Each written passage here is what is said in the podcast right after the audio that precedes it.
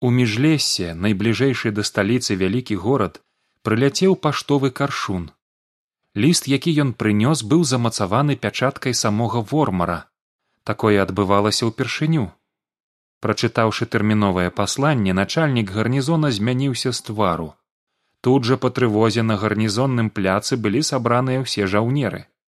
Начальнік стаяў перад імі сціснуўшы руки за спінай і ноздры яго раздзьмуваліся што азначала найвышэйшую ступень заклапочанасці жаўнеры вормара!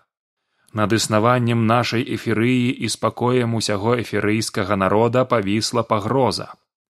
Група нягоднікаў і здраднікаў якім няма месца на нашай зямлі і якіх наш народ ніколі не падтрымае вырашыла выступіць супраць сябра вормара а значыць і супраць самой эферыі гарнізон моўчкі напружана слухаў. Групай кіруе вядомы злачынца стэфан. У яе ўваходзяць яшчэ некалькі так званых захоўнікаў, а насамрэч здраднікаў хаўруснікаў былога ўладара арыстарха, якія хочуць зноў вярнуцца да сваіх цёплых месцаў у замку ўладароў. Акрамя таго ў групе змоўнікаў юнак, які называе сябе язь сапраўднае яго імя пакуль не ўдалося ўстанавіць. І ўводзячы народ узман сцвярджае што ён нібыта з'явіўся з за туману чаго як вядома ніяк не можа быць. Начальнік вытрымаў паўзу і працягнуў. Перад вамі як і перад іншымі жаўнерамі ва ўсіх гарадах эферыі сябрам вормарам пастаўлена некалькі задачаў. Першая вышук і захоп усіх удзельнікаў банды стэфана другая арышт усіх ненадзейных грамадзянаў. Адпаведныя спісы на ўсякі выпадак былі падрыхтаваныя ўжо даўно. Так што вашая задача тут спрашчаецца. Трэці загад. Забараняюцца любыя сходы жыхароў эферыі і на вуліцах і ў дамах. Мы мусім сачыць за няўхільным выкананнем гэтага загаду. Усе магчымыя спробы сабрацца жорстка спыняць арышты паводле спісаў пачынаем сёння ж увечары. Ці ўсё зразумела? Служым сябру вормару в адзін голас выгукнулі жаўнеры. Язь быў удзячны лёсу за тое што некалькі гадоў таму навучыўся ездзіць вярхом. Ён узгадаў як пачаў хадзіць на ферму якая была ў бабуліным мястэчку каб глядзець на прыгожых коней і стары фермер які ведаў яшчэ ягонага прадзеда навучыў яся трымацца ў сядле. Яны ехалі ўжо даволі доўгі час і размаўлялі між сабою ўсё яшчэ захопленыя нядаўна прынятым рызыкоўным рашэннем. Па дарозе ім трапіўся невялікі закінуты горад. Стэфан пабачыўшы здзіўлены погляд яся калі яны праязджалі каля цэлых але пустых дамоў патлумачыў гэта тое пра што я табе казаў. Жыхары пакінулі некаторыя паселішчы бо вада тут або зусім сапсавалася або папросту знікла. Яны паехалі далей і падобныя мястэчкі сустракаліся ім яшчэ некалькі разоў. Сам шлях быў нескладаны. Добрая роўная дарога. Язда пакрысе закалыхвала яся і ён пачаў вадзіць носам. Раптам стэфан асадзіў каня і ўся група спынілася наперадзе з падлеску выехалі вершнікі чалавек сорак. Твараў з такой адлегласці было не разабраць але язь заўважыў што людзі былі ўзброеныя акрамя мячоў у іх былі лукі і арбалеты. Хваўлюс спыніўшы каня уважліва паглядзеў наперад затым дастаў падзорную трубу і каля хвіліны разглядаў групу. Дзве стужкі загадаў ён і ў ягоным голасе адчулася хваляванне. На высокую дзіду начапілі дзве доўгія шырокія чорныя стужкі якія затрапяталіся на ветры. Такі знак быў добра вядомы ўсім жыхарам эферыі. Вормараўскія патрулі здалёк спынялі ім і пешаходаў і вершнікаў калі трэба было правесці догляд. Нас высачылі рэзка павярнуўся да сваіх стэфан. Што будзем рабіць фелікс прыўстаў у сядле каб лепш разгледзець далёкіх вершнікаў. Мы не можам уступіць у бой нас мала сказаў натан. Стэфан прыбраў руку за феса мяча. Ты маеш рацыю. Перад намі яны ззаду пустэльня на поўдзень воблачная затока на поўнач вялікія балоты. Адзінае што застаецца паспрабаваць выбрацца праз поўнач амаль без шанцаў пахітаў галавой фелікс. Амаль не значыць зусім падтрымаў кіраўніка атрада эмиль да балотаў скамандаваў стэфан і яны сарваліся з месца. Жаўнеры вормара адразу рынуліся наўздагон. Язь імкнуўся не адставаць успамінаючы ўсю ранейшую навуку верхавой язды. Але яму было складана. Ён азірнуўся і ўбачыў за сабой гімана. Той пракрычаў не бойся я паскачу за табой у выпадку чаго буду прыкрываць. Пасля гэтых словаў ясь адчуў сябе больш упэўнена. Коні імчалі міма невялікіх ляскоў малоцячы па зямлі капытамі. Праз нейкі час на невысокім пагорку язь азірнуўся. Ворагі былі ўсё яшчэ далекавата але гіман моцна адставаў. Калі ясь зноў глянуў наперад то ягоным вачам адкрылася шырокая даліна адсюль здавалася што па ёй распаўзлася імгла колькі было відаць ад краю да краю і аж да самага далягляду ўсё выглядала як нейкае светла шэрае мора. Гэта ніяк не было падобным на балота. Прынамсі на тыя балоты што былі ў роднай краіне яся. Але стэфан скіроўваўся менавіта туды. Хлопец зноў азірнуўся назад і сэрца яго сціснулася ад нечаканасці і страху. Ён убачыў што гіман ляжыць на зямлі некалькі жаўнераў вормара атачылі яго а рэшта імчыць у пагоню. Язь што моцы даў шпоры і паскакаў да сваіх. Хутка ён дагнаў стэфана і астатніх. Яны ўжо саскоквалі з коней перад самымі вялікімі балотамі. Ясь убачыў балота зблізку. Тое што здалёк здавалася імглою адсюль выглядала як недарэчная цукровая вата ці як шчыльнае непрагляднае павуцінне вышынёю метры ў тры. Дзе гіман устрывожана запытаўся стэфан. Яго злавілі. Я бачыў там за пагоркам ён ляжаў на зямлі разам з канём фелікс схапіўся за галаву. Гіман ну як жа так? Як мы не заўважылі гэта нашая віна! Яны паглядзелі на пагорак дзе якраз паказаўся конны атрад жаўнераў. На жаль мы яму нічым не дапаможам хмурна сказаў стэфан коней пакідаем тут хутчэй на балота. Ён дастаў меч замахнуўся ударыў па шэрай імгле і зайшоў у яе. Усе астатнія таксама падаставалі свае мячы і рушылі за стэфанам. Слава сябру вормару крычаў лежачы на зямлі і закрываючы галаву рукамі гіман.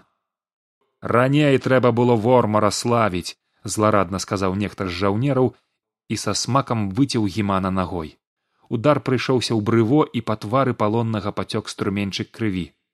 Сябры я ж свой! Свіння табе сябра звязваем яго і наперад да шэфа! Вар'яты зароў хваўлюс і злосна сплюнуў. Папёрліся ў балота замест таго каб пасядзець у турме.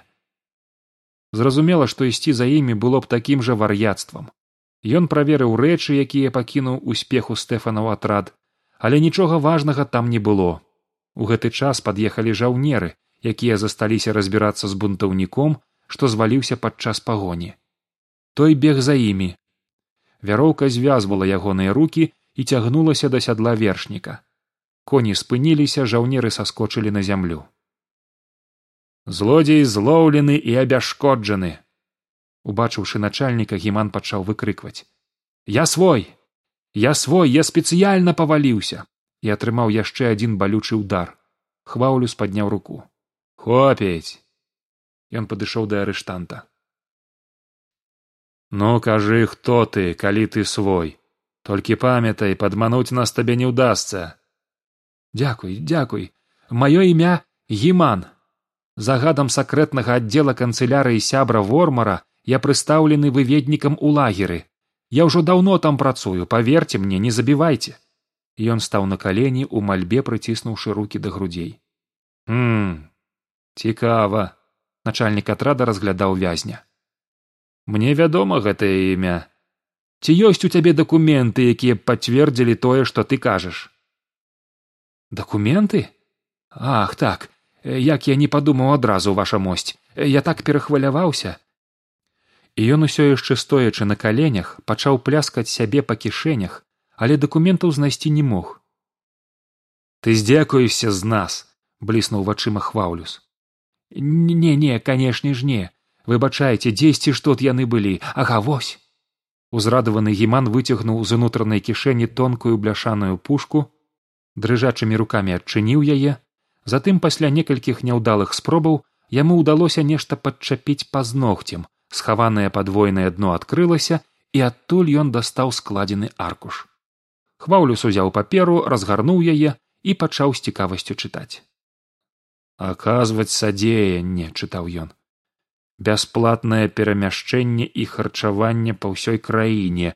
Подпіс памочнік уладара эферыі калід ён раптам выцягнуўся перад гэтым подпісам у струнку быццам перад самім калідам потым паважліва склаў паперу і аддаў яе. Ну што ж вітаем у нашым атрадзе. Прашу прабачэння за некаторыя нязручнасці. Мы вельмі спадзяёмся на вашае актыўнае супрацоўніцтва і перадачу інфармацыі па шостым і яго бандзе безумоўна узрадаваўся гіман гэта ж моя праца а што нязручнасці і ён прыціснуў брыво далонню. Ну дык з кім не бывае. Вы атрымаеце ўсе неабходныя вам звесткі мы мусім спыніць гэтых злосных ворагаў эферыі на балоце было як у прыцемках шэра. Глеба под нагамі спружыніла а каб прабірацца наперад трэба было рассякаць белыя завесы. Праз некалькі хвілінаў зямля стала зусім мяккая і вільготная. Гукі ў гэтым павуцінні былі прыглушанымі. Сонечнае святло засталося звонку. Невыразныя сілуэты сяброў ледзь пазнаваліся па баках трымацца блізка адзін аднаго не губляцца аддаў загад стэфан і працягнуў. Браты слухайце ўважліва тут нельга ісці павольна. Неўзабаве мы зойдзем у багну. Рухацца трэба будзе пастаянна не спыняючыся не адпачываючы. Хто спыніцца на адным месцы хоць на некалькі секундаў таго пачне зацягваць так што ніхто ўжо не дапаможа. Калі нам удасца прабрацца далей там дзе над багнай будзе яшчэ вада важна будзе не толькі не спыняцца не падаць але і не ісці занадта хутка. Хуткасць у вадзе гэта шум а шум гэта знак для макроба. Для каго перапытаў язь лепш не пытайся адказала прыглушаным голасам рут. Макроб гэта балотны чарвяк пачвара якую калі ўбачыш што наўрад ці застанешся жывым адказаў натан дакладна вядома што ён жыве под вадой. У твані харчуецца жывёламі якія зайшлі на балота а тут расце самая сакавітая трава і не змаглі вярнуцца назад. Напрыклад каровы. Ён заглытвае іх цалкам адразу. Што ж тут казаць пра людзей? А што гэта белае вакол нас? Павуцінне? Не хаця і дужа падобна. Гэта ніткі расліны якая так і называецца павучэннік паглядзі вось яе сцябліны паўсюль. Круглыя як трубкі. Калі не мець доўгага нажа ці мяча то канешне ты проста заблытаешся ў ёй што насамрэч і адбываецца з беднымі жывёламі. Там дзе яе менш яны яшчэ могуць прабрацца а там дзе больш заблытваюцца і павучыннік коканам абвівае іх моцна трымаючы над багнай так што макробу застаецца толькі з'явіцца на ўсё гатовае хаця пры жаданні ён можа схапіць сваю ахвяру калі яна яшчэ жывая падкраўшыся пад тванню. Стэфан падняў руку і азірнуўся. Трохі цішэй. Яны ішлі стараючыся каб бязгучна. Усё добра пасля паўзы сказаў ён. Здаецца жаўнеры сюды не палезлі. За намі нікога няма начальнік атрада вормараўцаў быў моцна ўзрушаны пачуўшы ад гімана пра падзеі мінулай ночы выхад з пустэльні і патрыка а таксама пра склад групы ўцікачоў. Дык што сярод іх ажно чацвёра захоўнікаў? Так чацвёра кіўнуў гіман. Вось дык удача узрадваўся хваўлюс чаму гэта было ўдачай ведаў толькі ён тры гады таму яго аднаго з найбольш набліжаных да вормара людзей які пэўны час нават кіраваў аховай уладара інтрыгамі і паклёпам выкінулі з палаца. Фактычна саслалі. Зрабілі начальнікам спецыяльнага атрада.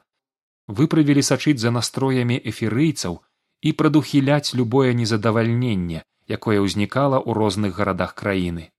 Ён быў вымушаны пастаянна працаваць сёння адзін горад заўтра іншы. І так усе гарады. Усе акрамя сталіцы куды наведвацца яму было забаронена. Няміласць уладара давалася яму надзвычай цяжка. За пятнаццаць гадоў ён прывык жыць пры двары. Таму сапраўднай знаходкай сталі для яго ўцёкі стэфана з лагера. Апошнія два гады хваўлю столькі і займаўся тым што спрабаваў высачыць яго і схапіць здабыўшы пажадана і ягоны камень сапфір. Ён ведаў што лепшага падарунка вормару зрабіць ніхто не зможа. І тады памілаваны і прабачаны ён зноў вернецца ў вертагард а значыць у старое шчаслівае жыццё. А тут такая ўдача. Не толькі стэфан але яшчэ трое збеглых захоўнікаў дачка піліпа ды яшчэ гэты дзіўны хлопец. О калі ён іх зловіць і хваўлю сажно пацёр руки падумаўшы чаго дасягне ў сталіцы калі яны будуць схопленыя. Дзеля такога варта і рызыкнуць. Дзеля такога варта нават пайсці на тое што ён толькі што называў вар'яцтвам. Пане начальнік запытаўся гіман перапыняючы ягоныя мары што будзем рабіць? Спачатку мы дашлём ліст сябру вормару хваўлюс спрытна дастаў са сваёй сумкі некалькі аркушаў паперы прыгожы пазалочаны аловак і пачаў з відавочнай радасцю нешта пісаць. Пісаў доўга. Затым з задавальненнем паставіў свой подпіс паглядзеў падправіў у подпісе завітушку і паклікаў аднаго з памочнікаў на плячы ў якога сядзеў каршун. Прычапіў ліст адпусціў птушку і тая рынулася ў неба. Ляці моя дзетка хай вормар пабачыць што я яму яшчэ патрэбны вельмі патрэбны стэфан вёў атрад за сабой тут раслі невялічкія бледна жоўтыя кветкі падобныя да кураслепу ды яркая сакавітая трава. І таму зямля была пакрытая слядамі жывёлаў якія гатовыя былі прадзірацца скрозь павучыннік каб знайсці на балоце самую смачную і пажыўную ежу. Ясь разглядаў расліны і сляды калі руд што была зусім блізка ускрыкнула. Ён падняў вочы і ўздрыгнуў ад нечаканасці у метры ад яго ў павучынніку быццам заматанае ў кокане нерухома вісела цела жывёлы падобнай да каровы. Ён павярнуўся і ўбачыў збоку яшчэ адно. Прыгледзеўшыся больш пільна ён здранцвеў. То тут то там бліжэй і далей віселі змрочныя коканы. Брыдкае відовішча прашаптаў эмиль затое цікавае для навукі стараючыся захоўваць цвёрдасць у голасе адказаў натан не кожны такое пабачыць. Гэта ж нішто іншае як харчовыя запасы балотнага чарвяка. І што цікава тут заўважны сапраўдны сімбіёз. Гэта значыць узаемавыгаднае суіснаванне павучыннік утрымлівае іх якраз над самай зямлёю каб не затанулі і каб чарвякі змаглі дастаць. А чарвякі як бы ахоўваюць гэтую тэрыторыю не даючы нікому пашкодзіць зарасці павучынніку. Абавязкова апішу гэта ў сваіх зацімках аб прыродзе прыроды. Калі канешне дабяруся жывым. Чарвякі? Іх што некалькі? Устрывожана перапытаўся фелікс. Было б наіўным думаць што ён тут адзін. Аднекуль жа ён павінен быў узяцца. Тым больш што пра існаванне чарвяка вядома столькі ж часу колькі існуе эферыя зыходзячы з таго што ён зразумела не бессмяротны можна з упэўненасцю сказаць што яны тут нараджаюцца а значыць іх тут шмат. У яся прабеглі мурашкі па спіне і толькі цяпер ён зразумеў як яны рызыкнулі зайшоўшы сюды. Гэты вечар стаў для многіх жыхароў эферыі самым страшным у жыцці. Ва ўсіх гарадах і мястэчках адбывалася тое чаго ніхто ніяк не чакаў. У дамы трымаючы ў руках спісы урываліся жаўнеры яны выломвалі дзверы для большага страху выбівалі вокны і заскоквалі ў пакой адразу з усіх бакоў. Агаломшаныя эферыйцы пакорна выходзілі з дамоў даючы скруціць сабе руки вяроўкай. Жанчыны і дзеці галасілі ад безнадзейнасці. У горадзе луг які меў каля трыццаці тысячаў жыхароў арыштавалі амаль чатырыста чалавек. У самім вертагардзе арышты пачаліся з вечара і закончыліся толькі пад раніцу план вормара жаўнеры выконвалі з вялікім жаданнем і задавальненнем. Усе арыштаваныя былі ў спісах ненадзейных грамадзянаў. Яны апынуліся там не таму што былі злачынцамі. Проста нехта з іх калісьці ў чымсьці не пагадзіўся з вормарам. І гэта пачулі паўсюдныя шпегі каліда. Хтосьці выказаў незадавальненне тым што ў эферыі пагаршаецца справа з пітной вадой а хтосьці трапіў у спісы толькі таму што да яго мелі непрыязь тыя хто гэтыя спісы складаў. Усе турмы перапоўніліся людзьмі. Там дзе турмаў не хапала замест іх выкарыстоўвалі стайні склепы ці падвалы. Дзе нідзе арыштантаў даводзілася нават трымаць пад адкрытым небам. Іх збіралі па некалькі соцень разам наспех выбудоўвалі вакол драўляны плот з брамаю ды ставілі па перыметры ўзмоцненую ахову. Чаму іх арыштоўваюць ніхто не ведаў. Да часу пакуль на галоўнай плошчы сталіцы не быў зачытаны указ сябра вормара пра рашучы адпор здраднікам. Хваулюс ужо не сумняваўся што яму трэба рабіць. Мы ідём за імі як гэта? На балоты не паверыў сваім вушам гіман менавіта так. Але навошта? Гэта ж добраахвотная смерць. Шаноўны гіман помаўчы я тут начальнік нам конча трэба ведаць усё што яны задумалі. Але ж я вам распавёў усе іх планы. Ты распавёў вельмі мала. Дзе менавіта жыве другі захоўнік? Дзяўчына не сказала але гэта недзе ў пляскатых гарах. Вось менавіта што недзе ёсць і іншыя пытанні на якія ў нас яшчэ няма адказу. А ўсё гэта трэба ведаць. Але ж ніякіх але гэта загад. Праз колькі хвілінаў усхваляваны хваулюс і панурыя жаўнеры ішлі па балоце. Яны крочылі па слядах групы стэфана. Разрэзаны павучыннік які звісаў шматкамі утвараў быццам бы калідор. І згубіць дарогу было складана начальніка хвалявала толькі як не збіцца са шляху калі стане цёмна пра ўсе страхі звязаныя з вялікімі балотамі ён здаецца цалкам забыўся яго прабіралі дрыжыкі але не ад трывогі ці волкасці а ад думак пра будучыню якая можа адкрыцца перад ім калі ён спыніць адзіны сапраўдны за ўсе часы панавання вормара бунт. Жаўнеры ішлі моўчкі здавалася яны нават дыхаць імкнуліся цішэй чым звычайна хваўлю счуў за сабою толькі чвяканне гразі пад нагамі. Недзе праз гадзіну хады пачало цямнець. Разгледзець правільны кірунак стала ўжо не так і лёгка. Нечакана цішыню разарваў крык. Адзін з жаўнераў які ішоў апошнім наляцеў на заматаную ў пасмах павучынніку жывёлу. Маўчаць загадаў начальнік і здрыгануўся прыгледзеўшыся такіх жывёлінаў навокал было шмат. Аднак загад не дапамог няшчаснаму. Той вішчаў адбіваўся рукамі быццам вырываючыся з палону і ўрэшце пабег у адваротны бок кінуўшы і меч і сваю торбу. Назад што моцы крыкнуў хваўлюс жаўнер не зважаў. Здавалася ён не чуў і не разумеў нічога. Крычучы ён бег далей прэч ад страшнага балота у гэты момант усе адчулі незразумелы і ад гэтага вельмі непрыемны рух пад зямлёй. Яна ледзь заўважна дрыжала.